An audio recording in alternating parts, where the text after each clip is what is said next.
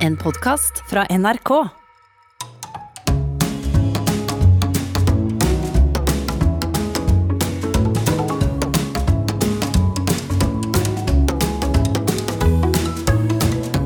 Hjertelig velkommen til Sånn er du her på NRK P2, hvor Nils Brenna Hei. og jeg, Harald Eia, går gjennom, nøye gjennom Nils. Resultatet av personlighetstesten til profilerte norske kvinner og menn. Og i dag skal vi finne ut hva slags mentalt materiale blogger, influenser, personlig trener og den største treningsprofilen på Instagram i Norge, Jørgine Massa Vastrand, også kalt Funkygine. Hjertelig velkommen. Tusen takk. Vi skal også finne ut hva du er laget av. Eh, før vi begynner, eh, har du tatt noen sånne tester før? Har du noe tro på sånne tester? Jeg har ikke tatt noen sånne store tester tidligere, og tror vel egentlig ikke på det. Perfekt uts- utgangspunkt, da. Ja, veldig bra. Se- Og, og sier kanskje denne skepsisen også noe om eh, hvordan den er skrudd sammen? Vi kan røpe ja. Oi, oi, oi, ok. Så utspekulert er dette opplegget. Det fanges i nettet uansett hva du sier. Hver epoke, tenker jeg, eh, Nils, og Jørgine også, tenker jeg eh, høyt for her, har sine mennesketyper som på en måte svinger seg opp og fram og blir idealer. For å være litt sånn generaliserende, på 50-tallet så handlet det om å være rask i replikken, men ryddig og stødig. ikke sant? 60-tallet litt mer åpen og søkende stil, som var idealet. 70-tallet var ansvarsfull og solidarisk, og så 80-tallet hvor man da skulle være litt mer egoistisk og glad i penger. I vår tid, Nils og Jørgine, da, så mener jeg at det er en ny mennesketype som har slått seg opp, eh, som da lykkes på- i blogging, sosiale medier, går utenom de vanlige kanalene gjennom en sterk og helt spesiell personlighetsprofil. Og denne nye mennesketypen vil jeg kalle homo sosialis medium. Oi. Det er ditt uttrykk. Det er mitt uttrykk. Jeg har gått på Google Translate og tatt fra norsk til latin Ja. for å få det Ok. riktig. Enkelt og greit.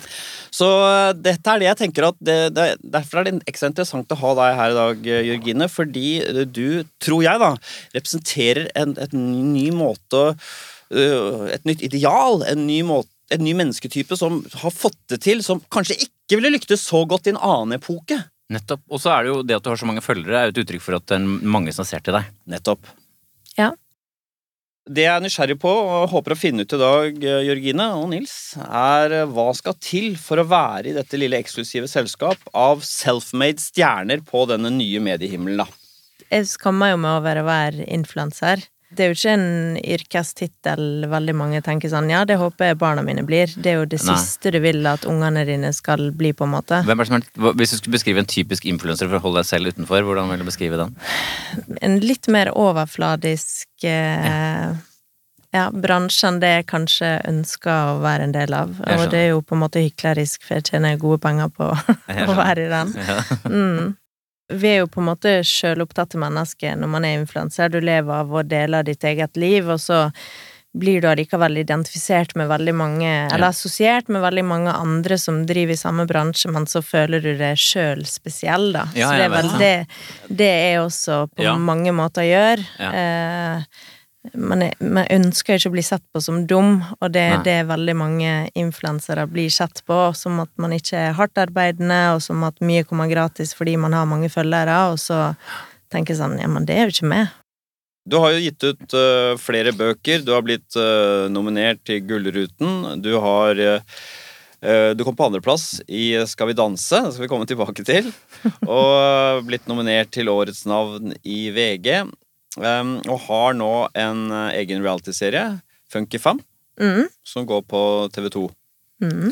Vel, eh, Jørgine, og vi får lyttere så Til daglig så kalles du ikke Funkygine, men Jørgine, eh, ikke sant? Ja, de som kjenner meg, kaller meg det. Jeg tenker jo at, eh, Nils, at hvis man skal eh, være en, et interessant menneske som mange følger på sosiale medier, så må det skje mye. Og en av de tingene som kjennetegner de som har høy score på neste trekk, er jo at det foregår mye stemningsendringer, det er mye raseri og, og mye greier som pågår. Vi skal se på Jørgines score på nevrotisisme.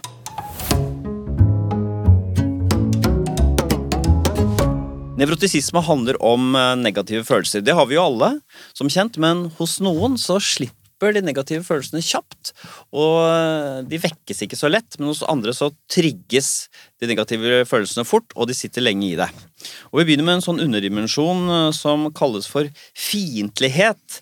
Det handler jo ikke om å være sånn, øh, ha masse fiender, men det handler om hvor lett man lar seg irritere, hvor sint man blir, og man har anlegg for bitterhet og frustrasjon. Hva tenker du om deg sjøl? Har du den type sånn temperament? Ja, jeg har absolutt eh, temperament, og jeg lar meg irritere av eh, andre mennesker. Ja. Og jeg kan også være bitter. Nettopp, ja.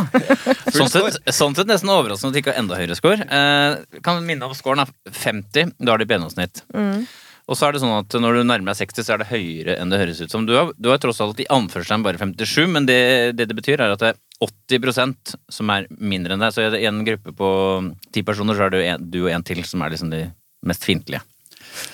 Bitterhet syns jeg er interessant, for Ja. det er jo en eh, følelse sjelden s- snakkes om. For det er jo ikke den gjeveste følelsen å ha. Det er greit, jeg kan bli sint, men jeg kan bli bitter. Si litt om det. Når er det, hvordan er det du blir det, og når? Åh, jeg, ofte, tror jeg. Um, jeg er bitter hver gang jeg taper noe. Du var jo inne på Skal vi danse tidligere. Jeg er Fortsatt veldig bitter for at jeg la ned så mye arbeid for en andreplass, liksom. ja, ok. Hvordan vil du beskrive den følelsen? Nei, det er vel at eh, At jeg følte jeg fortjente det mer, da. ja. Ja, det er urettferdig. Eh, Det er det du går og tenker på. Det var ikke riktig. Uff, det kommer så jævlig dårlig ut av å være helt ærlig om hvordan jeg egentlig er, føler jeg. Jeg føler sånn Den personen som blir godt likt, er en light-versjon av meg sjøl. Nei. Du tenk, jeg, min hypotese er at folk er interessert i disse tingene også. At de- det er en av grunnene til at de liker deg. De gangene jeg viser hele følelsesspekteret mitt, Mm. for eksempel når jeg lager en Snap-story der jeg sier at jeg hater Skal vi danse, og at det er jævlig irriterende at jeg fortsatt er en del av en sånn gruppechat med de andre deltakerne eh, Så blir jo det overskrifter der det er sånn 'Funkygine raser mot TV 2'. Du har sikkert sett på dette etter Alexander Hetland i finalen med deg. Mm. Når du da tar på deg de bitre brillene, syns du selv da at du danser bedre? Altså, jeg syns i finalen så er de mer strategiske i forhold til dansevalg. Eh, Det er satt en eh, veldig følelsesmessig dans på slutten, som Ja. er selvfølgelig lurt. Men jeg syns jevnt over i sesongen så viser jeg s- mer bredde innafor eh, danserepertoaret mitt. Ja. Det syns jeg.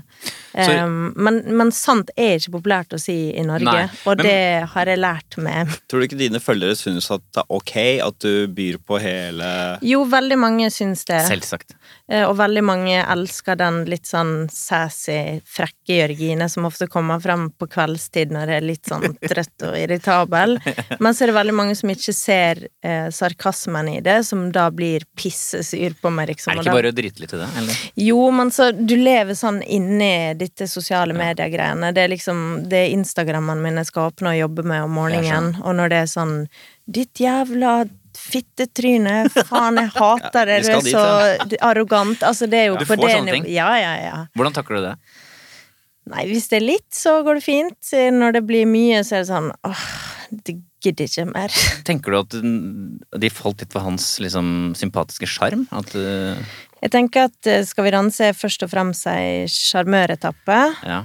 Og at det lønner seg å være politisk korrekt. Det var ikke jeg alltid, og det lønte seg ikke. For han er jo litt sånn svigermorsdrøm, det må man kunne si. Absolutt. Og at det også gir Og han noen poeng. Ja da, og han er verdensmester. Han har gjort en eh, solid stykke arbeid for Norge, liksom. Er influenser som selger brød og bøker. Og da hjalp det- Eh, da hjalp det ikke å være litt bedre enn han. Nei, egentlig ikke. Nettopp. Jeg var med for å vinne, Ja. eh, men det ble på en måte dyssa veldig ned. Og jeg hadde klippa bort hver gang du sa sånne ting. Ja. Ja, for på VB-ene som kommer, altså de videoopptakene som kommer underveis, så der hadde du sagt ganske mye, men det ble tatt ned. Var Ja, det sånn? altså, jeg måtte gjøre ting om igjen og om igjen, og det var liksom sånn Litt mer entusiasme, Jørgine. Prøv igjen, prøv ja, igjen. for du var ikke entusiast, du var bare opptatt av å vinne, du. Ja, så sånn som når de spør meg for eksempel Herregud, denne uka skal en av eh, disse flotte deltakerne forlate oss, hva tenker du om det? Så er det sånn Hæ, du bryr meg midt i ræva, liksom. Det, er det som er hele poenget med konkurranser. ja. Men Én det- ut, én til ut, tenkte du da. Ja, selvfølgelig. Ja. Bare det ikke er med, så spiller det ingen rolle. Mens da var det sånn Nei, du må si noe positivt om noen. Å, er Ja, det fordi- sant? Det er såpass eh, Ja, fordi TV maling på 2 det. er veldig opptatt av god stemning, og at eh, de, de vet jo at seerne sitter der hjemme og hygger seg. Jeg tror de som ser på Skal vi danse, har lyst på feel good-TV. Det er sikkert riktig. Så på mange måter så er jo det jeg som har gjort ei feilvurdering. eh, Ja, for fordi du- at jeg Du meldte burde, deg på vi- konkurranse, du, egentlig. ja, jeg burde visst bedre. Så jeg har ingenting å utsette på produksjonen, Nei, nei. fordi at det er et sånt type program. Mm. Det var bare at jeg passer ikke helt inn der. Han er en kjempesøt og fin fyr, liksom. Ja. Det er klart han blir godt likt. Ja, ja. Eh, I Pascal. tillegg til at eh, han var flink å danse. Hvor og overraska jobba hardt. ble du da resultatene kom? Jeg var, jeg var lamslått, liksom. Det var det. Kan du beskrive hva du følte da? Jeg tenkte bare sånn Det er feil. Og så må, stemmer må du ikke. jobbe da med deg sjøl for å liksom Nei, da går jeg ut på bakgrunnen, stormer ut, får med meg buketten min, druser den i veggen, skriker veldig høyt. Hva skriker du da? Fuck, sa jeg. og så går jeg opp, og så kommer eh, folk fra TV 2 opp og sier bare 'Jørgine, du må gå ned til et intervju. Dette ser ikke bra ut'. Og og hva gjorde du da? Gikk til slutt ned til et intervju. Til slutt? Altså, du brukte litt tid? Ja, Hvor gjorde lang det. tid? det? Mot, uh, Nei, lang nok til at salen var tømt da jeg kom ned, men eh, det var jo journalister igjen som vant Du til kødder, så det. det var, gikk fort en halvtime eller sånn, eller? Ja, det gjorde det nok. Hva gjorde du da den halvtimen? da? Nei, Jeg bare satt og var rasende. Jeg Mhm. har hender at mannen din sier sånn Nei, nå holder det, jeg er så lei av å høre om den der eh, raseriet ditt og Skal vi danse-finalen. Ja, innimellom, men jeg tror hele familien min var like skuffa som Ja, meg. det var det. liksom. ja, riktig. Ja, for det er jo sånn Det gir jo de assosiasjonene til Du er jo halvt italiensk, ikke sant? Det er litt sånn mafiagjeng. Altså, når først en av våre er der, så er det full Å, backing. liksom. da. herregud, vi er helt ram på dette der. Det er liksom, Hvis noen angriper noen av oss, da ja, det, da dreper jeg, liksom. Ikke sant? Mm. Ja, for det, det er typisk sånn norske samfunn ikke oppfordrer til. At, Nei, sant? Men det som er litt interessant her, da, for å legge til det, Harald, fordi eh, fiendtligheten er det, det du har inni deg. Mm. Om det kommer ut eller ikke, det har med føyeligheten å gjøre. Mm. Du kan fint for eksempel være, ha masse agg i deg og være konfliktsky, sånn som Odd Nordstoga og Espen Eckbo har den kombinasjonen. Mm. Mens du er jo så lav føyelighet, så du er ikke konfliktsky heller. Du har Nei. svært lav skår på føyelighet, det vil si at du gir deg ikke. Så både agget og drivstoffet, liksom, og skyvet ut. Mm. Så det må ha gitt en del smeller opp igjennom. Ja, absolutt. Men jeg er blitt mye flinkere til på en måte velge mine kamper. Um, jeg Hvilke, kan- ka- hvilke kamper var det du ikke Altså, Hva valgte du ikke bort før? Hva, var det, hva er det du har gjort liksom, opp igjennom? Av sånne små- Nei, før valgte jeg ikke bort noen ting. Hva, gjorde du, hva, hva kunne du henge deg opp i, da, for eksempel? Nei, da var det slåsskamper og det som er, Var det? liksom. Hvor gammel ja. var du da? Nei, 13. Og Så du slåss? Har du slåss? Ja. Har du slått? ja. Med knyttet neve? Ja, jeg har det, altså. Du har Herregud. Ja. Men kunne du slåss noe mer enn andre? Eller var det bare en hjemmesnekra teknikker? Jeg er ganske sterk, og så ligger det naturlig for meg med kampsport. Du er sikkert ganske rask. ja. Du kan sikkert slå noen ganske fort på nesa. hvis Det er det mer. ja. Det er litt sånn barnslig spørsmål, men du er såpass du kan ta pullups, for eksempel. Ja. Hvor mange kan du ta? På mitt meste, liksom. Ja. Nei, kanskje 21 strikk, da. Ikke sant? Men det er ikke nå, da. Nå er jeg Ja, helt ja. annet. Men, du er, men du, er, du er godt trent, da, for å si det sånn. Du, ja, det vil jeg du si. kan ta igjen, liksom. Ja. En annen eh, underdimensjon under eh, nevrotisisme er engstelse. Rett og slett tilbøyeligheten til å oppleve uro. Eh, Skårer man lavt, så er man rolig og avslappet. Man eh, er ikke så engstelig før det skal skje ting. Skårer man høyt, så er man ofte urolig, engstelig og redd. Kan ofte ha en overdreven uro for ting som kan skje. Mm. Har du sånne tendenser? Jeg har veldig dødsangst, da. Men du har det? Ja. Eh, og så har jeg litt hypokondri fra pappaen min, liksom. ja. Fra pappaen din, så han, har- han han er også hadde det. hypokonder. Han har lært av det. Jenta mi, nå skal jeg lære Ja, av det følg, her. følg med nå. Følg med nå. Så den lille flekken er sikkert ingenting, men jeg tenker at det Jeg kan si at, eh, bare for å ta scoren her eh, Du hadde fått tallet 61, som er eh, tydelig høyt. Det vil si at det er litt over 85 som er mindre engstelig enn deg.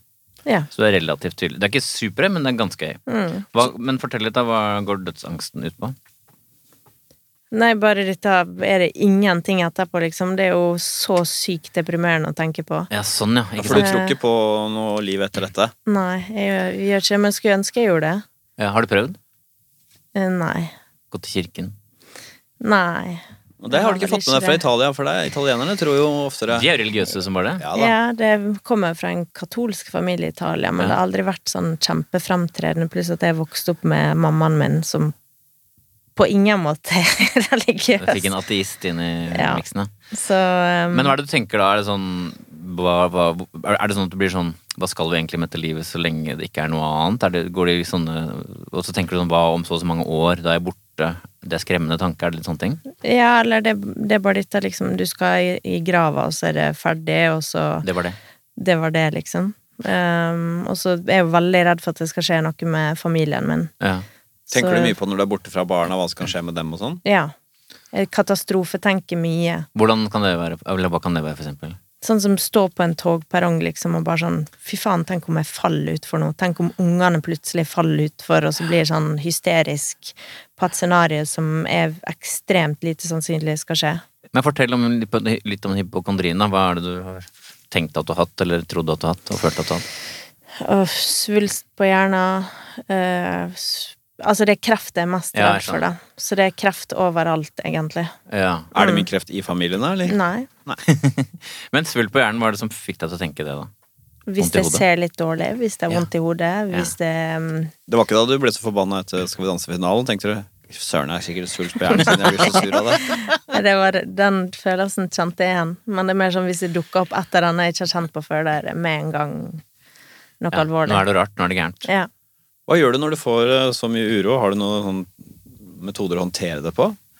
Jeg snakka med mora mi. Hun kjenner meg godt.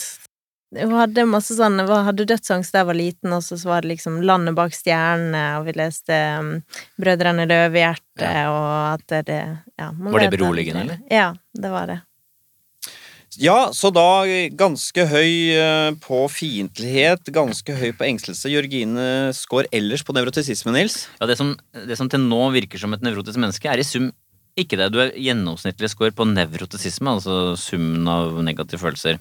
Du er da høy på fiendtlighet og engstelse, som jeg snakka om. Og så er du på snitt på depresjon, dvs. Si nedstemthet og tungsinn. Der er du som et annet vanlig menneske. Så er du på snitt på sårbarhet for stress, det vil Si at du er stresset som et annet vanlig menneske. Og så har du én veldig lav score. Det er selvbevissthet. Det vil si at spesielt sjenert er du ikke. Du har ikke sosial angst, liksom. Nei. Den totale scoren eh, som Jørgine har på nevrotisisme, den, eh, Den er gjennomsnittlig. Men du har noen høye utslag her og der, da, så hvis folk bare sier 'Jeg hørte at du ikke er nevrotiker', så da må du si 'se litt på underskårene', så vil du få et litt mer nyansert Jeg er bilde. tross alt litt bekymret og litt sinna oppi alt. Jørgine, i 2018 så ga du ut boka Sterk utenpå. I 2020 kom eh, boka Råsterk hjemme. Så det er mye sterkt her. Det er energi, det er kraft. Og min hypotese her da eh, er at eh, homo socialis medium Skal du lykkes, må du være ekstrovert. Du må være energi og kraft, og nå skal vi se hvordan du ligger an, Jørgine, på personlighetstrekket ekstroversjon. Ekstroversjon handler om hvor utadvendt du er. Altså ikke bare på hvor mye energi du sender ut i verden, men hvor mye du blir stimulert av den ytre verden. Her kommer det utadvendte. Man er vendt ut, Mm. og dermed påvirkes man lett. Får et kick av ting.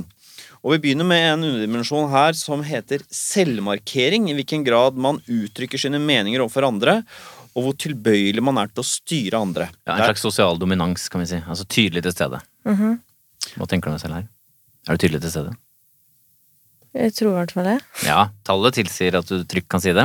du sa det så mildt. Ja, Eh, det sa jeg. og- Jeg blir usikker, da. Hva som kommer man til ut av denne Nei, nei, testen? altså du har fått tallet er 64, det vil si at du nærmer deg 5 høyeste. Det vil si at i en gruppe på 20 personer så er du den tydeligste.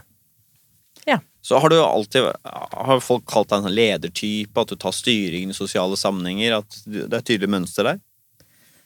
Ehm, I visse settinger. Men ofte så er det fordi Hvis jeg vil ting skal skje fort, så føler jeg det best jeg gjør det sjøl. Nettopp. Hvis noen sier sånn 'Jørgine er dominerende', hva vil de si videre da? Jeg tror, jeg vet jo at familien min oppfatter meg som veldig sjefete og invaderende. Si et eksempel på hvordan du opererer da i familien når du tar den styringa, når du stemples som sjefete. Hva er det du gjør da, for eksempel? Nei, Sånn som mamma sier ja til at guttene kan ta lappen på moped, og så sier jeg nei, det er farlig. Ja. Altså, Og, så, og så Altså, Eh, bestemmer og så du liksom det, da? trumfer jeg gjennom Ja, du gjør det. Ja. Og da, hvor gammel var du da? På Nei, de nå vattene? er guttene 23, så det er jo da fem år siden, så jeg var 26. Ja, eller ok, noe da sånt. går du inn og sjefer sje- Men de kan ikke være så fornøyd med at du sjefet vekk lappen for dem? Jo, søsknene mine finner seg i veldig mye, fordi jeg ofte har gode løsninger også. Ja, for det er ikke bare at du er en diktator, du har gode løsninger òg. Du er en god diktator. Jeg, jeg tror jeg, altså, Man kan kanskje ikke tro det. Hvis du er en diktator, så er det fordi du tror. du har- Tror du vet best? ja, Det er kanskje sant, ja. ja. La oss si du er i en middag da, med mye folk. Er- Ta, snakker du mye? Nei, ikke nødvendigvis. Nei, sånn som jeg tolker deg litt, er vi- dette er litt sånn på sviktende grunnlag, men prøv meg. Du, kan, du har jo en sterk tilstedeværelse. Du har en slags sånn, hva skal jeg si, en- en stille intensitet. Mm. Du trenger ikke nødvendigvis å snakke mest, men du, det er ganske tydelig allikevel hvor du er i de ulike spørsmålene i rommet. Jeg tror jeg er veldig Jeg er veldig tydelig i ting som jeg mener betyr noe for meg, eller som betyr noe for andre som jeg er glad i. Man har ikke noe behov for å sitte og jabbe og fortelle hva jeg, hva jeg mener om saker og ting i en middag der det er mennesker som jeg ikke bryr meg om skal vite meningene mine, liksom. Jeg har prøvd å ta en Ja. litt dårlig sammenligning i i og med at du er halvt italiener. Ku- Hadde du passa at du er som mafiaboss? Jeg, jeg tror det. Jeg tror det. Men Ikke sant? For det er sånn, den der er litt sånn alle vet at raseri kan komme. Trenger ikke å si så mye. Ganske tydelig hva jeg mener. Ikke lur på det, liksom. Åh, du er sånn som kysser meg på begge kinnene, og så er det egentlig dødskyss, eller? Men du har tenkt tanken, eller? å være mafiaboff Ja. Altså, jeg liker jo makt. Ikke sant? Nettopp. Jeg gjør jo det. Ikke sant? Du er ikke av dem som sier at 'nei, det er makt, det er ikke noe for meg'. Og Det, du liker makt. Jeg, Og du liker å få gjennom meningene dine. Og Ja. du kan også trykke til litt eh, kraftig hvis du absolutt vil. Ja, vi, men ikke i alle Jeg er ikke sånn som på død og liv alltid. Nei, for det er jo en sånn Du kaster bort energien på det. Det, er- du, det gjør det bare enda mer Ja, skremmende, det er bare, akkurat det. Jørgine. At du bare 'Dette bryr jeg meg om, ikke dette'. Men går du dit, da sier jeg Har du sett Sopranos? Nei. Nei, ok. Har du sett mye mafiafilmer sånn eh, Jeg har sett litt. Så da tenker du hmm, Faen, det er kult, tenker jeg da. Dette kunne jeg fått til.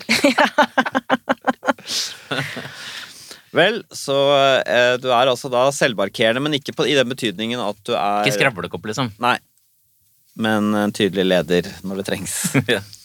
Varme er en underdimensjon under ekstroversjon som handler om eh, sånn tilstedeværelse i nære relasjoner gjennom vennlighet og hensyn. Skårer man eh, høyt her, så er man jo typisk sånn som er kjærlig og vennskapelig, knytter seg fort til folk, ikke sant? Kommer fort Ikke bare familien, altså, men til andre folk, og du knytter folk til deg. Utenfor familien. Skårer man eh, lavt, så er man eh, kanskje litt mer distansert i måten å være på, og har da heller ikke så veldig mange nære relasjoner utover familien. Da. Hvordan tenker du på deg selv? Er du en type sånn varm type? Jeg har et veldig lite nettverk. Ehm, men de som er i nettverket mitt, er sånn Jeg går i døden for det. Nettopp. Aldri tvil på det. Ikke sant? Og det er jo ting ved deg som jeg snakka om som tyder på. Eh, Men her er det, jo så- hvis du hadde hatt høyt score her, så ville du hatt mange. i Ja, Det har nettverket. jeg ikke Det har du ikke. Nei. Nei, for Du har fått et veldig tydelig lavt tall, som man sier. Ja. Tallet er 25, det vil si at det sånn, sånn sett da, så er du sånn 1 laveste. Mm. Det vil si at eh, La oss si at det var en fire-fem stykker som tenkte sånn Jeg vil lyst til å bli nær venninne med Jørgine. Det er kanskje ikke så lett å liksom gå inn og liksom bryte gjennom og komme inn til liksom din innerste krets. Nei, men det ha- handler jo sikkert litt om den fiendligheten jeg har, eller ikke fiendlighet, men hvis du skal være min venn, Mm. så er det fordi jeg og du skal være 100 lojal mot hverandre. Mm. Oi, oi, det var strenge krav, ja. Ja, Det hadde ikke vært noe for deg, Harald. men det er derfor jeg har få relasjoner, fordi det er så sykt viktig for meg, det med lojalitet. Hvorfor er det så viktig? Nei, sikkert fordi jeg brant meg på det noen ganger, og så blir man eh, litt sånn, i tillegg til at jeg er litt sånn italiensk og ærekjær og stolt, og er Mm. på en måte opptatt av at ting skal være riktig. Og da utsetter ikke jeg meg for det. Nei. Men er det sånn at du egentlig skulle hatt veldig mange nærvenner? Er det et behov du føler at du har? Nei. Nettopp. Så det er jo, du har jo ikke det heller. Nei. Ikke sant? For noen har jo det. Noen, altså, vi pleier å bruke Solveig Kloppe som et eksempel. Hun er sånn veldig inkluderende med mange. Hei, kommer Ja. veldig nært veldig fort. Mange elsker masse folk. Du har Det- ikke Mm. det behovet, antageligvis. Nei. Du er ikke sånn som elsker småprat heller, kanskje? Nei, det liker ikke jeg. Nei. For det er jo sånn at du har ikke det behovet, rett og slett. Nei, jeg tror ikke det. Det, jeg vil si det på en annen måte, Jeg syns ikke, syns ikke det svekker mafiaboss-imaget. Overhodet ikke. At du bare zzzt. Det er en liten sånn eh, det- Kom inn hit, da, er du, da skal jeg passe på deg. Hvis ikke Vær forsiktig. Jeg, jeg kan bare legge til her at eh, i t- til, Sånn at du ikke føler deg alene her. Harald har jo samme scoren på dette trekket. Så Ja. jeg syns det er gøy å tenke på hvis du hadde vært eh, influenser og blogger, Harald, og alle vil, folk ville komme til deg og klemme deg og sånn. Det ville vært, for deg ville det vært utholdelig. Jeg har skuffa en del folk opp igjennom. Jeg har det. Men, Du, men er sånn som sier forskjellen nei, med oss til- du sier nei til selfier, du. Ja, i hvert fall- nei, men det er hvis jeg er sammen med barna og sånt, da. Og, Ikke bare, har jeg sett. Jo, men jeg vet at når jeg er ute og, la oss si jeg er ute og tar en øl med venner, da, så blir de så satt ut av at praten blir stykket opp av at folk kommer bort. Så jeg Mm. blir liksom irritert på deres vegne. Jeg sitter aleine, så tar jeg det selfie glatt. Ja, ok. Men du, sier- du har ikke noe glede av det for å si det på den måten? Nei, ikke noen glede av det, men det er jo en Men del av det- jobben, da. Men der har jo jeg på en måte et eh, Altså, jeg lever jo av Det gjør jo på mange måter du som, som komiker også, at du lever av de folka som gidder å se på det, men i enda større grad som influenser så er, må man liksom Ja. Man skal være takknemlig for de folka som gidder å trykke likes, fordi det, og som kjøper boka di, Ja. fordi uten dem så er du ingenting. Nei, jeg skjønner. Så jeg sier aldri nei til en selfie, jeg sier aldri nei, til en klem. Nei. Eh, og jeg syns jo oppriktig at det er hyggelig at folk syns det er stas å Ja, møte meg. fornuften, med fornuften så vet du at det er hyggelig, og på en måte Ja, og jeg er alltid hyggelig når jeg møter folk, altså. Ja. fordi det skulle jo virkelig bare mangle. Du, Vi har en eh, høy score på selvmarkering og en litt lav score på ekstrovert varme, Nils. Så her dras det begge retninger på Jørgines ekstroversjon. Ja, og de to representerer hovedfunnet, nemlig at du er helt gjennomsnittlig høy på ekstroversjon. Det vil si at du er verken introvert eller ekstrovert. Ambivert etter det. Du er da lav på ekstrovert varme, som vi har snakka om. Du er da touch av lav på sosialitet, så du, du kan gå i sosiale lag, men du er ikke sånn utpreget sosial heller. Nei. Men ikke så einstøing som man kanskje skulle tro. eh, Nei, du er mer, du er mer sånn, hva skal jeg si, reservert enn du er asosial, strengt tatt. Ja, men det har jo noe med at jeg har veldig stor familie, så jeg er jo aldri aleine. Og jeg Nei, liker ikke sant? ikke å være aleine. Nei, for du ville, det ville du ikke vært. Nei. Og så er du på snitt på positive følelser. Du er glad og begeistret som et annet vanlig menneske. Så er du på snitt på spenningssøking, det vil si sånn spenningsrush og kick og sånn. Der er du også som et annet vanlig menneske. Så er du høy på selvmarkering, som vi har snakka om. Og så er du høy på det, en veldig interessant fasett, syns jeg, Harald. Høy på aktivitet, som handler om energi og livstempo. Det er for øvrig den egenskapen, eller det personlighetstrekket som i størst grad skiller ledere fra vanlige ansatte, at de har høyere energinivå. Mm. Du scorer høyt der, du har, du har høyt energinivå. Ja. Ikke sant? Du orker mye. Ikke sant? Du, er stor, du har kraftig motor, da, for å si det på en annen måte. ja, det tror jeg. Så det, er Håper ikke, jeg. noe- du er ikke, det er jo en del av det, det, er jo det, det, del av det å være driftig, er jo å ha masse energi, for eksempel. Mm. Så det er Ikke en del av kjeftig, du forklaringen. ligger ja. sjelden på sofaen, og du, du er i aktivitet nesten hele tiden. Ja, og jeg liker, jeg liker at hvis jeg skal se på TV, så er det fordi jeg gjør noe Nettopp. samtidig. Bare Hva er det med du trykkeren. løft, løfter TV-en samtidig? eller Hva gjør du? Nei, ligge og ta litt mageøvelser eller eh, lete etter forsvunne sokker i en sånn pose med singlesokker og Det er Sikkert en del skritt i løpet av dagen. Ja, Hvor mange har du? Snitt? jeg er usikker, men eh, ligger vel opp mot en 20 000 hver dag, eh, Oi. type. 20 000 hver dag, ja. ja. Skal man nå frem som eh, influenser, eh, tenker jeg, skal man være lykkes i denne sosiale medieverden, så må man på en måte være i forandring hele tiden. Det er min hypotese. Man må ta den eh, lenger ut, finne på nye ting, være var på det som eh, foregår. Jeg tror rett og slett, eh, Nils og Jørgine, at man må score høyt på personlighetstrekket åpenhet for erfaringer. Åpenhet for erfaringer. Det handler om nysgjerrighet på nye ting. Det handler også om fantasi. eh, Og det handler også om en underdimensjon som heter åpenhet for følelser. Altså hvor mottagelig man er overfor andres og egne følelser. Noen mennesker scorer jo lavt her. ikke sant? De, de har ikke så mange sinnsstemninger som foregår i hodet på dem. De er og upåvirket også av andre. Om de har det, hvordan de har det, så virker ikke det så mye inn på dem. Scorer man høyt på åpenhet for følelser, så foregår det mye her inne. Og det trenger ikke bare være negativt, det bare er generelt mye følelser. Det er lykke og sorg kjennes sterkere enn hos andre. Og man da stoler også på følelsene. Man handler ut fra dem. Så hva tenker du, er du sånn typisk sånt følelsesmenneske? Ja. Det er det. Mm. Du har fått tallet 67, som er sånn 2-3 prosent høyeste. Mm. Så det er jo svært tydelig, da. Tenker du det er en, et fordel for deg når du har den jobben du har, at det er eh, at du er god på og var på dine følelser, hva som foregår? Altså det er i hvert fall lettere å være åpen om følelser når jeg sorterer dem så mye at når jeg har bestemt meg for at følelsene mine er sånn og sånn, så føles det trygt å snakke om det. Mm. Ehm, Hadde jeg snakka om følelsene mine impulsivt, så ville jeg nok hatt flere situasjoner der jeg angrer i etterkant. Sånn, hvorfor sa jeg det? Men fordi jeg har eh, drevet med så mye sjølransakelse, det er sånn Sånn er jeg faktisk. Og det er også derfor jeg ikke tror på for eksempel personlighetstest, eller jeg aldri kunne gått til psykolog, fordi jeg tror at jeg vet best hvordan jeg er. Ja. Um, Ja, Ah, det er forklaringen. Ja. Du har, du har jo- rett og slett jobba og tenkt så mye over egne følelser at dette har du kål på, sorry, ikke kom her og fortell meg. Litt sånn? Men det stemmer jo så langt, da, så sånn sett så spørs det om vi ikke må gå tilbake på det med Ja, vi personlighetstest. må ikke røpe det. Kan hende. Hva- Hvem veit til slutt? Kanskje Ja. du er uenig likevel? Du fanger også opp andres sinnsstemninger, kanskje? Ja, jeg føler jo at jeg er ekstremt menneskekjenner, da, men Ja, du det gjør er jo sånn man hører absolutt alle si. Og så hører du noen si det, så tenker jeg sånn Du er faen ikke menneskekjenner i det Ja, hele tatt. det er riktig. Og da tenker jeg, da kan jo det gjelde meg også. Ja, men det er interessant å tenke, ja. Du har lav score på ekstra larme, det vil si at du, du er ikke interessert i småprat og sånne overflatiske ting. Men så har du dybden som ligger i åpenhet for følelser. Så egentlig, det man egentlig skal gjøre med deg, hvis man får muligheten, da, det er ikke sikkert man får, men det du vil, er jo å snakke ekte følelser. Over, altså overfladiske ting er litt kjedelig, er det litt sånn? Ja, og det har jo kanskje med at jeg har så lite nettverk også, at de jeg på en måte omgås med, har en så dyp følelsesmessig relasjon til at andre ting blir litt sånn svada, på en måte. Men Ja. jeg kan leve meg veldig inn i andre sine sine følelser, føle veldig med dem, så Ja. lenge jeg føler det er ekte. Og Nettopp. det kan jeg ofte føle at det Nettopp ikke er. ekte. Det er viktig. Det er stikkord, ikke sant? Sånn Ja. sett. Når du har så høy score på åpenhet for følelser, og følelser betyr så mye, er det sånn at når du for eksempel blir spurt om å gjøre noe, får du en følelse med en gang 'nei, dette er ikke riktig for meg', eller 'ja, dette er riktig for meg', den magefølelsen, og den stoler du på. Veldig. Det er ofte lurer på, siden jeg har litt svak intuisjon sjøl, Mm. så jeg er veldig lett å påvirke i en og annen retning, for jeg har ikke noe klar sånn peilepinne. Det var derfor jeg lurte på din Mm. egen sånn Men du har en intuisjon du stoler på, har du ikke det? Jo.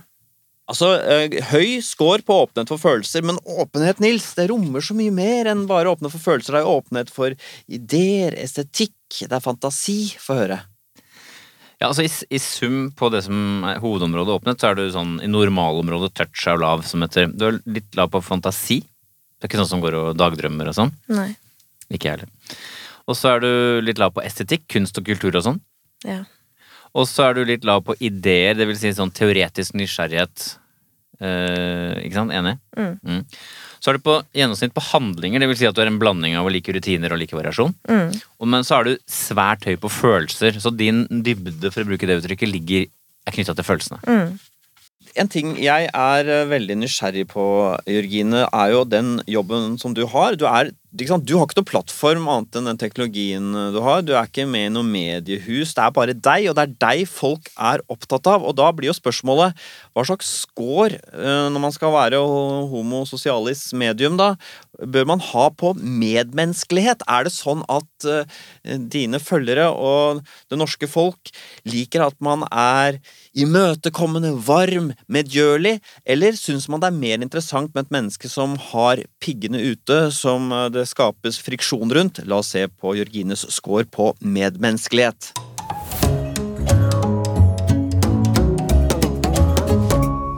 Ja, medmenneskelighet. Det høres ut som en sånn moralsk vurdering av- av øh, om man er et godt eller dårlig menneske, men det handler ikke om det. Det handler om rett og slett om man når man møter andre mennesker, er det da åpna, Møter man det med åpne armer, eller møter man det med eh, litt sånn skepsis og piggene ute? Og Vi begynner med den underdimensjonen som heter tillit. I hvilken grad man stoler på andre mennesker. og At man tenker at andre mennesker, når de sier eller gjør noe, er ekte og ærlige.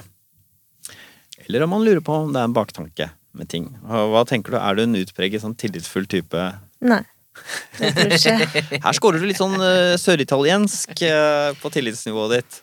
Scoren er veldig tydelig. Den er 27, det vil si at du er 1 eh, laveste. Og jeg bare, bare for å minne om tidligere f- folk vi har hatt tidligere som er litt i samme landskapet, sånn som Jon Almaas for eksempel.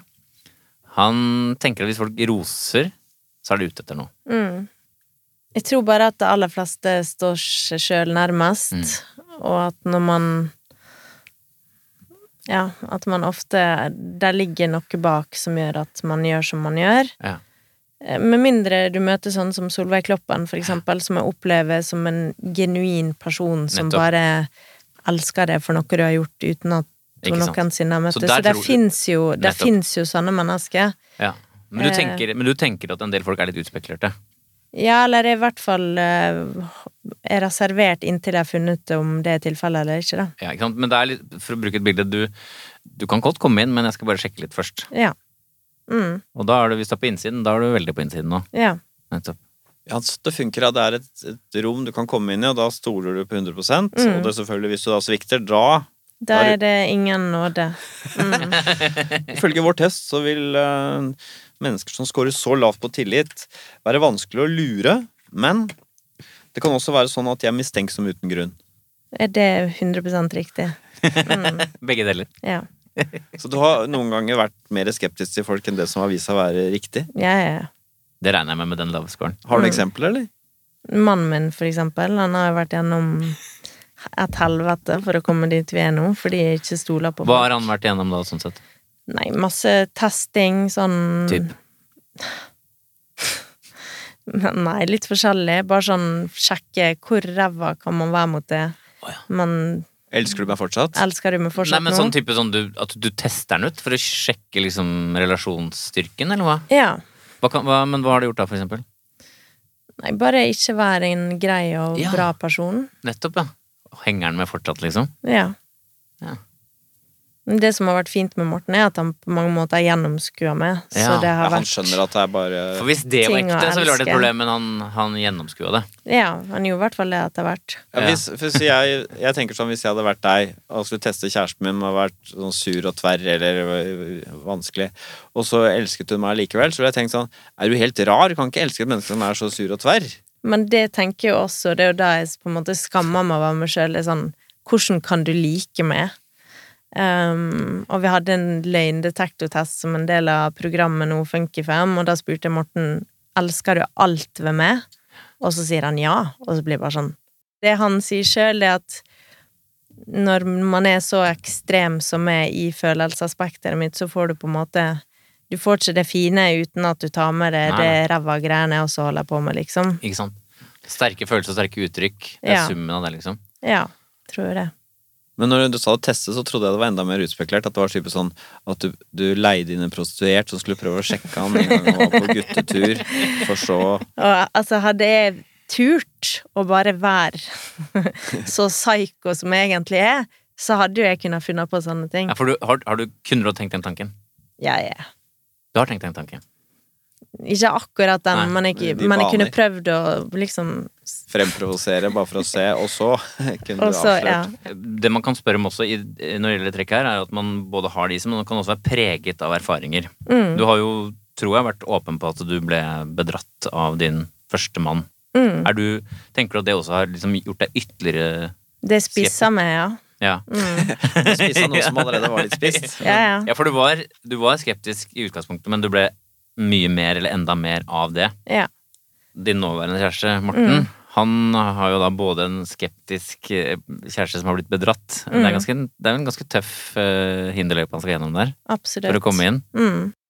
Overfor dine barn prøver du å videreformidle den litt sånn det At du skal se litt folk litt an, eller prøver du å eh, gi dem en sånn Du må stole på folk, da stoler de på deg. Er, har du noen tanker rundt det?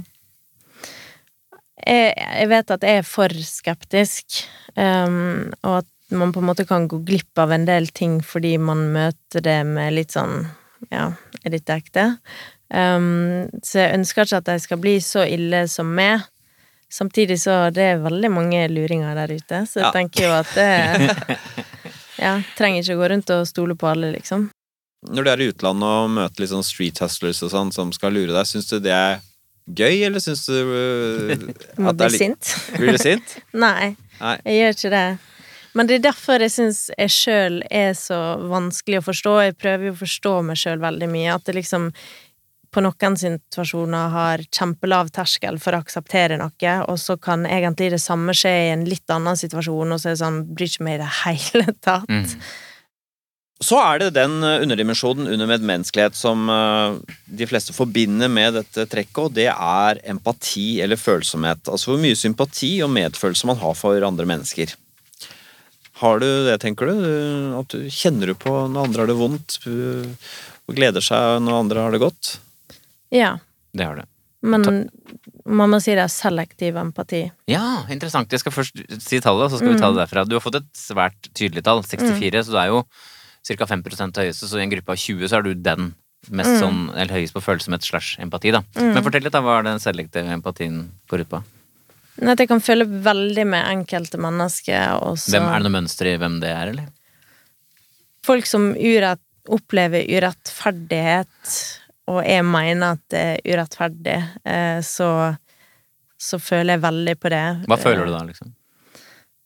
Nei, på en sånn håpløshet, sånn som det var i Rwanda, for eksempel, eh, med plan, og da Jeg blir helt ødelagt av det, Ja. og så blir jeg samtidig helt ødelagt av at jeg vet at nå er jeg så lei meg, og så skal jeg tilbake, og så gradvis kommer jeg til å glemme de tinga jeg lovte meg sjøl, at jeg skal leve mer sparsommelig, at jeg skal bidra mer. eh, Så allerede da begynner jeg å tenke på at det er jo Kommer til det å som skje. Mm. kommer til å skje, og så blir jeg helt sånn Blir så skuffa over meg sjøl. Jeg skjønner. Så du blir invadert først, egentlig, av følelser eller medfølelser, da? Ja. Mm. Du er ganske lav på ekstrovert varme. Det betyr at du ikke er så hjertelig og vennlig i møte med andre mennesker alltid. Du stoler ikke på folk, men du føler med dem. I hvert fall eh, noen. Men jeg tror jeg er litt ødelagt av at jeg har hatt så mange følgere så lenge, så jeg har på en måte Jeg får så mange impulser fra så mange at du nesten ikke rekker å å føle med det, eller være engasjert på alle sine vegne. Mm. Så det må man holde litt på avstand, for det blir for mange mennesker. Men Mm. samtidig, i mer intime settinger, så har jeg, takk Gud, den evnen til å være empatisk. 621 000! Jeg skjønner, Harald! Så mange, det var mange, det. Ja, det er ganske mange. Det er jo Oslo. Ja. det jeg blir nysgjerrig på, er for det er lett å tenke at eh, empati, når folk sier det, som du har mye av, det eh, fører bare til gode ting, på en måte. Det er sånn, sånn, sånn gud som bare deler ut og blir varm, du blir stoler på folk. Men det er en egen isolert kraft Mm. som kan leve ved siden av mistillit eller skepsis til andre. Mm. Og det å være litt distansert til andre. Mm. Det er, jo, litt- det er jo en ganske sånn kompleks eh, kombinasjon av trekk du har, sånn sett. Mm. Sikkert derfor jeg driver med så mye sjølransakelse, fordi at det er så mange sånn kolliderende følelser Ja, det er akkurat det. For det går og jo litt liksom, og da mener jeg liksom, liksom ikke helt i hop. Men i vårt system så går det i hop, Harald. Ja da, for de er uavhengig av hverandre. Ja, fordi det er jo en distanse, men det er også mye følelser, og det er skepsis. Du stoler ikke helt på folk, men samtidig kan du føle veldig med dem. Alt dette er jo fanget opp sånn sett. mm. Men det er ganske sånn interessant med og motkraft, på en måte. Mm. Ja. Du var inne på det med sånn selektiv empati. Hva- Er det, har du noen eksempler på folk som liksom ikke faller inn under empatien din, så å si? Folk som syter, har jeg eh, lite tålmodighet med. Um, Tenk hvis du hadde en sytete kjæreste, hvordan hadde det vært for deg? nei, det hadde ikke gått. um, ja. Ja. Altså folk som er uærlige, da. Selvfølgelig. Som er ja, irrasjonelt mye opptatt av. Og da er det hvis, Jeg syns det er interessant, fordi igjen tilbake til denne mafiaen. Altså, igjen sånn, du er, du, er, du, er, du er sterk, dominerende på din måte. Ikke, ikke skravledominerende, men du er tydelig i retning. Litt distansert. eh, Du er opptatt av lojalitet. Du har medfølelse for dem det som er, liksom, faller inn under. Mm. Så det må være ganske godt å være under liksom, din paraply. Der skal man føle Tror seg det trygg. føles trygt. Det skal føles trygt. Mm. Og så har du da denne gassen, den fiendtlige gassen du kan bare dytte ut mot folk som ikke fortjener det. Men når man går til bossen Jørgine og sier 'Jeg har vært under din paraply, jeg har hatt det veldig godt under deg og ditt regime, nå ønsker jeg å bryte ut og finne på noe annet', hva sier du da? Der er hevn. Jeg skjønner. Har du tatt hevn noen gang? Ja. Hva, hva, for, Har ikke eksempel, alle det? for eksempel Jo, jeg har gjort det. Har- Jeg tror ikke Harald har gjort det. Nei, jeg prøver å kvitte meg med de følelsene. Mm. Ja, men du har dem ikke. Eh, altså, men hva har du gjort, for eksempel, da? eh, I hevnens navn? Nei, hvis noen sårer det, og du på en måte følte det var ufortjent, så kan jo man gjøre sitt for at den personen får kjenne på at det ikke var ok det kan å man, men hva gjøre. gjorde du? Eh, nei, hva, er- altså det er jo sånn venninnesammenhenger på skolen, og litt sånn klassisk sånn 'nå var du kjip mot meg, da skal jeg gjøre livet ditt enda kjipere'. Ja, hva type gjorde du da? opplegg. nei, jeg husker ikke helt, Ok. men eh, Setter ut rykte, eller eh, bestiller 100 pizzaer i deres navn? Eller hva? Jeg liker jo å tenke at jeg tar hevn på en rettferdig måte, da. Ja, Men det er jo For det er idealet. Oi. Ja, det er sånn som eh, Batman, hvor Ja. nettopp da man hevner seg, ikke bare sånn hemmelig, men at man gjør det sånn at offeret, den som hevnes på, skal forstå Kan jeg komme fra? Ja. Ja. Det er jo, eks- det er jo hele poenget. Men har du gjort det? Hilsen meg, liksom. Mhm. Nei, jeg, jeg kommer ikke på noe. Jeg tror det var mer at jeg fantaserer om det. Ja, sånn ikke som, sant? jeg Men, sier til mannen min sånn Hvis du er utro mot meg, så da skjærer jeg av deg tissen, og så mm, Men testiklene skal du få beholde. ja, Altså, Men- da, gjør, jeg- da ødelegger livet ditt, liksom. Ja, det er såpass. Ja, det- Hva tenker du med sånn når man har sånn anlegg for å ta igjen, da? Hva tenker du om sånn eh, straff mer sånn i rettssystemet? Altså når folk har på en måte voldtatt eller gjort et eller annet, tenker du at straffene burde vært strengere? Er det liksom din Ja. Det er hvor det. strenge da? Nei, altså når noen kan komme unna med ni måneder på grunn av voldtekt, så tenkte jeg at da kan man nesten spekulere i om de ikke bare gjør det en gang til og får ni måneder til, liksom. Mm. Syns Eh. du dødsstraff egentlig kunne vært på sin plass noen ganger, eller? Altså Hvis jeg skulle tenke, hvis noen hadde gjort noe mot min familie, så hadde jeg jo villet at de skulle dø. Samtidig så ser jeg jo at det er veldig mange svakheter ved dødsstraff, og at det Mm. er umenneskelig på de aller fleste plan. Tenk på deg som har dødsangst, så hvordan det selv ville vært å få Eh. Ja da, døds- så jeg tenker jo Ja. nei til dødsstraff. Ja, men eh, likevel innom eh, ja, og så nei til slutt. Alle hevnere, alle hevnere har jo vært innom den Ja, ja. følelsen. Vel, Nils, dette var interessant. Eh, Her er det en eh, litt eh, lav score på tillit, men eh, svært høy score på empati på Jørgine. Mm. Så medmenneskeligheten, eh, scoren hennes generelt, hvordan ligger hun an? Hun har fått en tydelig lav score på medmenneskelighet. Det vil si at, uh, For å forklare hva medmenneskelighet er, Harald, det er, jo- det er å gi motstand, egentlig. Ja. Hvis du er høy på medmenneskelighet, så er du medgjørlig. Mhm. Du er lav på medgjørlighet. Mm. Ok, til dette uttrykket ditt, Harald. Homo socialis medium. Uh, Der har vi hatt noen andre representanter til. Sofie, Sofie Elise, for eksempel. Og Staysman, kanskje. Begge de to er lave på medmenneskelighet. Ja. De har en sånn hardhet ved seg. Som, kan, som kanskje er interessant. Kanskje vi er på begynnelsen av forskning her, Harald. Men bare for å ta det, da. du er lav på tillit, som jeg snakka om, lav på føyelighet, som jeg snakka om. Så kommer noe som er interessant. For jeg prøver å skjønne det derre Jeg har hørt litt underveis. Ikke sant? Du tar fighten, men du ser også litt an. Mm. Du kan ta en kamp, men du kan også se an litt. Mm. Hadde du hatt sko høy score på rett fremmed, så hadde du liksom for å si det veldig enkelt, alltid bare sagt det du tenkte og det du mente. liksom. Så det er en blanding av du tar fighten når det trengs, men du ser også an. Mm. Ikke sant? Ja, hva konsekvensen av det blir, Ikke sant? og Du, s- ikke sant? om Du er jeg litt sånn noe jeg orker. Så å- sånn sett kan man jo si at du er Lur er kanskje feil uttrykk, da, men du, altså, du har en slags sånn taktisk evne, da, for å si Mm. det sånn. Kan det stemme? Ja. Jeg tror jeg er åpen taktisk. Ja.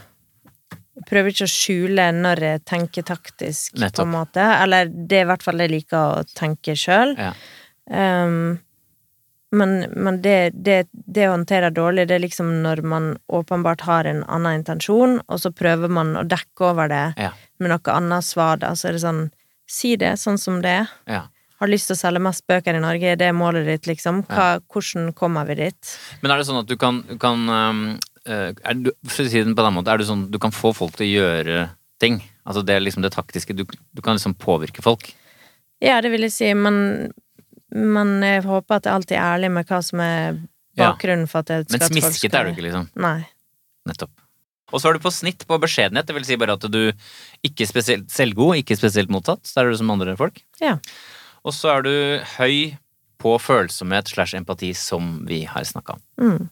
Vel, eh, vi begynner å ane konturene av hvem dette homososialis medium er, eller mer spesifikt da Jørgine. Og da er det jo den siste faktoren som eh, jeg er nysgjerrig på.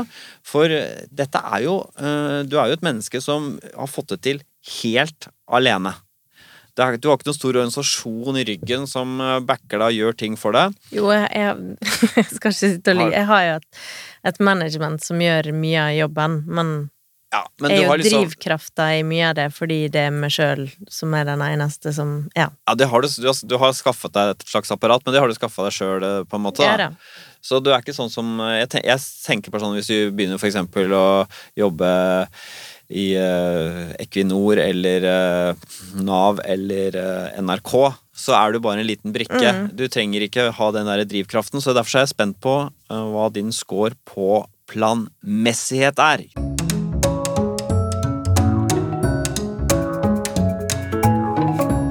Planmessighet det handler om viljen og drivkraften til å prestere for å oppnå sine mål.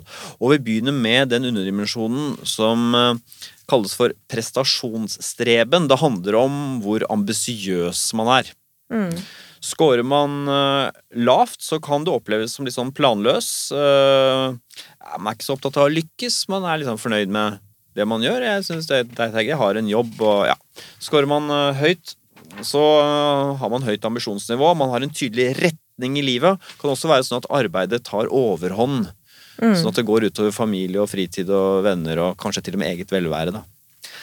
Hva tenker du her? Er du en som er ambisiøs? Ja.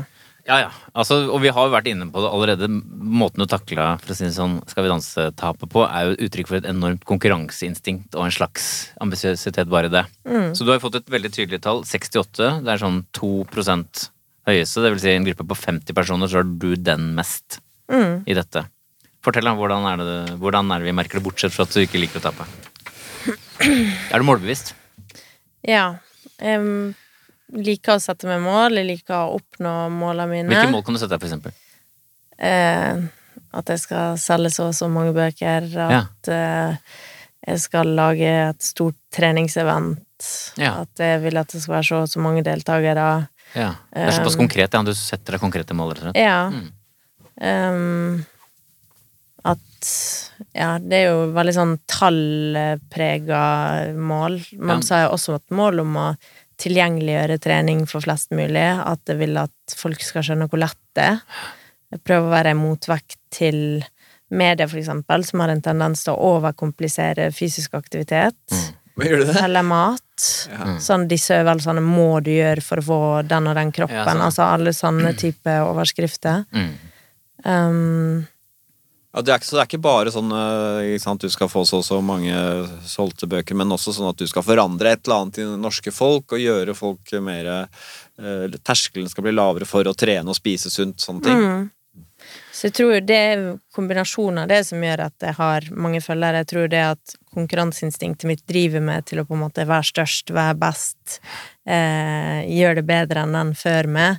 Eh, samtidig så har jeg et mer idealistisk mål, eh, Ja. der jeg lever og ånder for at folk liksom skal bevege seg eh, og få Hvorfor er det så viktig, tenker du?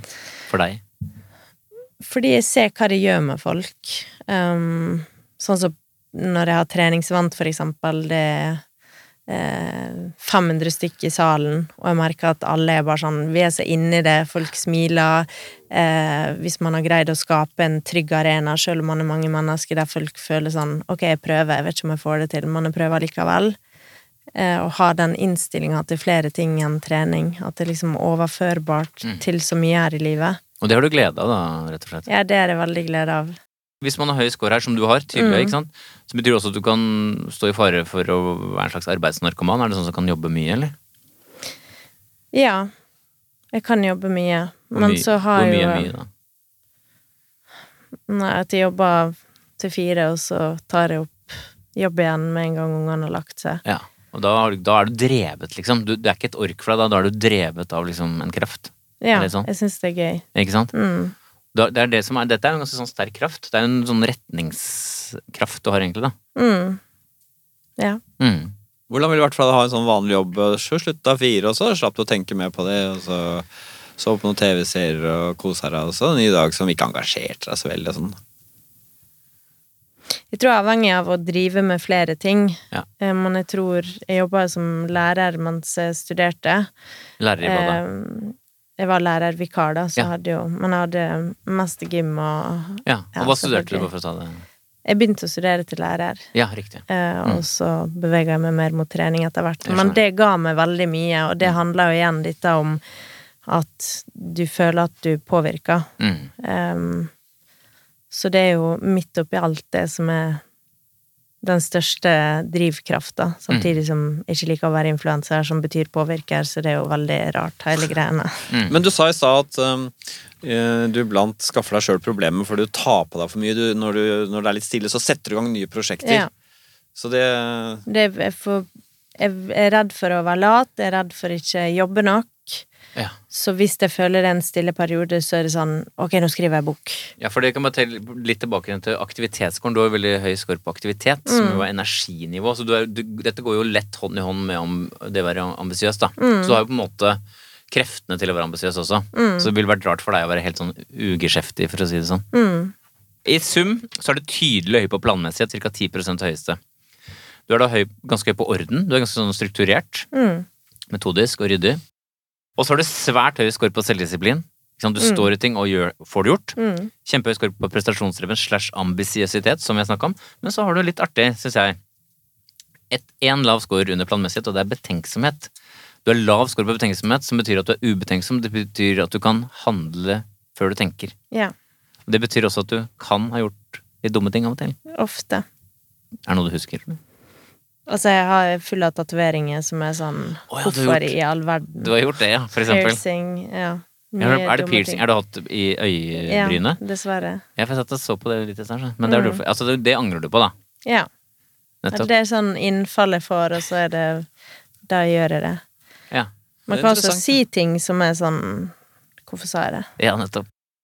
Vel, eh, Jørgine, vi har nå vært gjennom eh, fem hoveddimensjoner, og så har vi da plukket ut noen underdimensjoner. Og for, for å forsøke å finne ut hvem du egentlig er, la oss prøve å sette sammen bitene, Nils, og prøve å forstå hemmeligheten bak Jørgines suksess, og kanskje også hva som kjennetegner dette homo sociales medium. Du har jo vært eh, ganske ærlig. Ja. Det syns jeg, og det er jo det, Det er som bra. er kanskje stikkordet her, eh, eh, Nils. Altså, du er ualminnelig eh, ærlig og opptatt av å være ærlig. eh, også opptatt av andres ærlighet. Og det jeg vil trekke fram med deg Det holder jo ikke å være ærlig for å være interessant, men no- når jeg vil trekke fram med deg, er jo alle disse motsetningene. Som er spennende å følge med på. Ikke sant? Du er, eh, på den ene side så er du eh, Veldig sånn eh, lite sjenert. Eh, Samtidig er, har du, har du, er du engstelig og har mye agg i deg. Så her er det liksom to eh, retninger. Du er litt distansert eh, av deg. Du inngår ikke så nære relasjoner, men du er veldig empatisk. Og så har du eh, disse sterke følelsene som eh, du- det er mye av, som du tenker mye på, analyserer mye, som er selvfølgelig interessant å følge med på eh, i sosiale medier. Eh, Og så er det denne interessante blandingen av at du er så eh, ambisiøs og får til ting, men samtidig er du så ubetenksom, så her, her skjer det ting. Du plumper ut med ting, og det, det foregår noe. Det er som et evig drama, nettopp fordi det er så sterke indre konflikter og indre krefter som drar i ulike retninger i det. da. Jeg t- tenker at eh, det traff eh, ja, mye mer presist enn jeg hadde forventa. Takk for at du kom, Jørgine, og delte. Det var veldig interessant. Tusen takk for meg.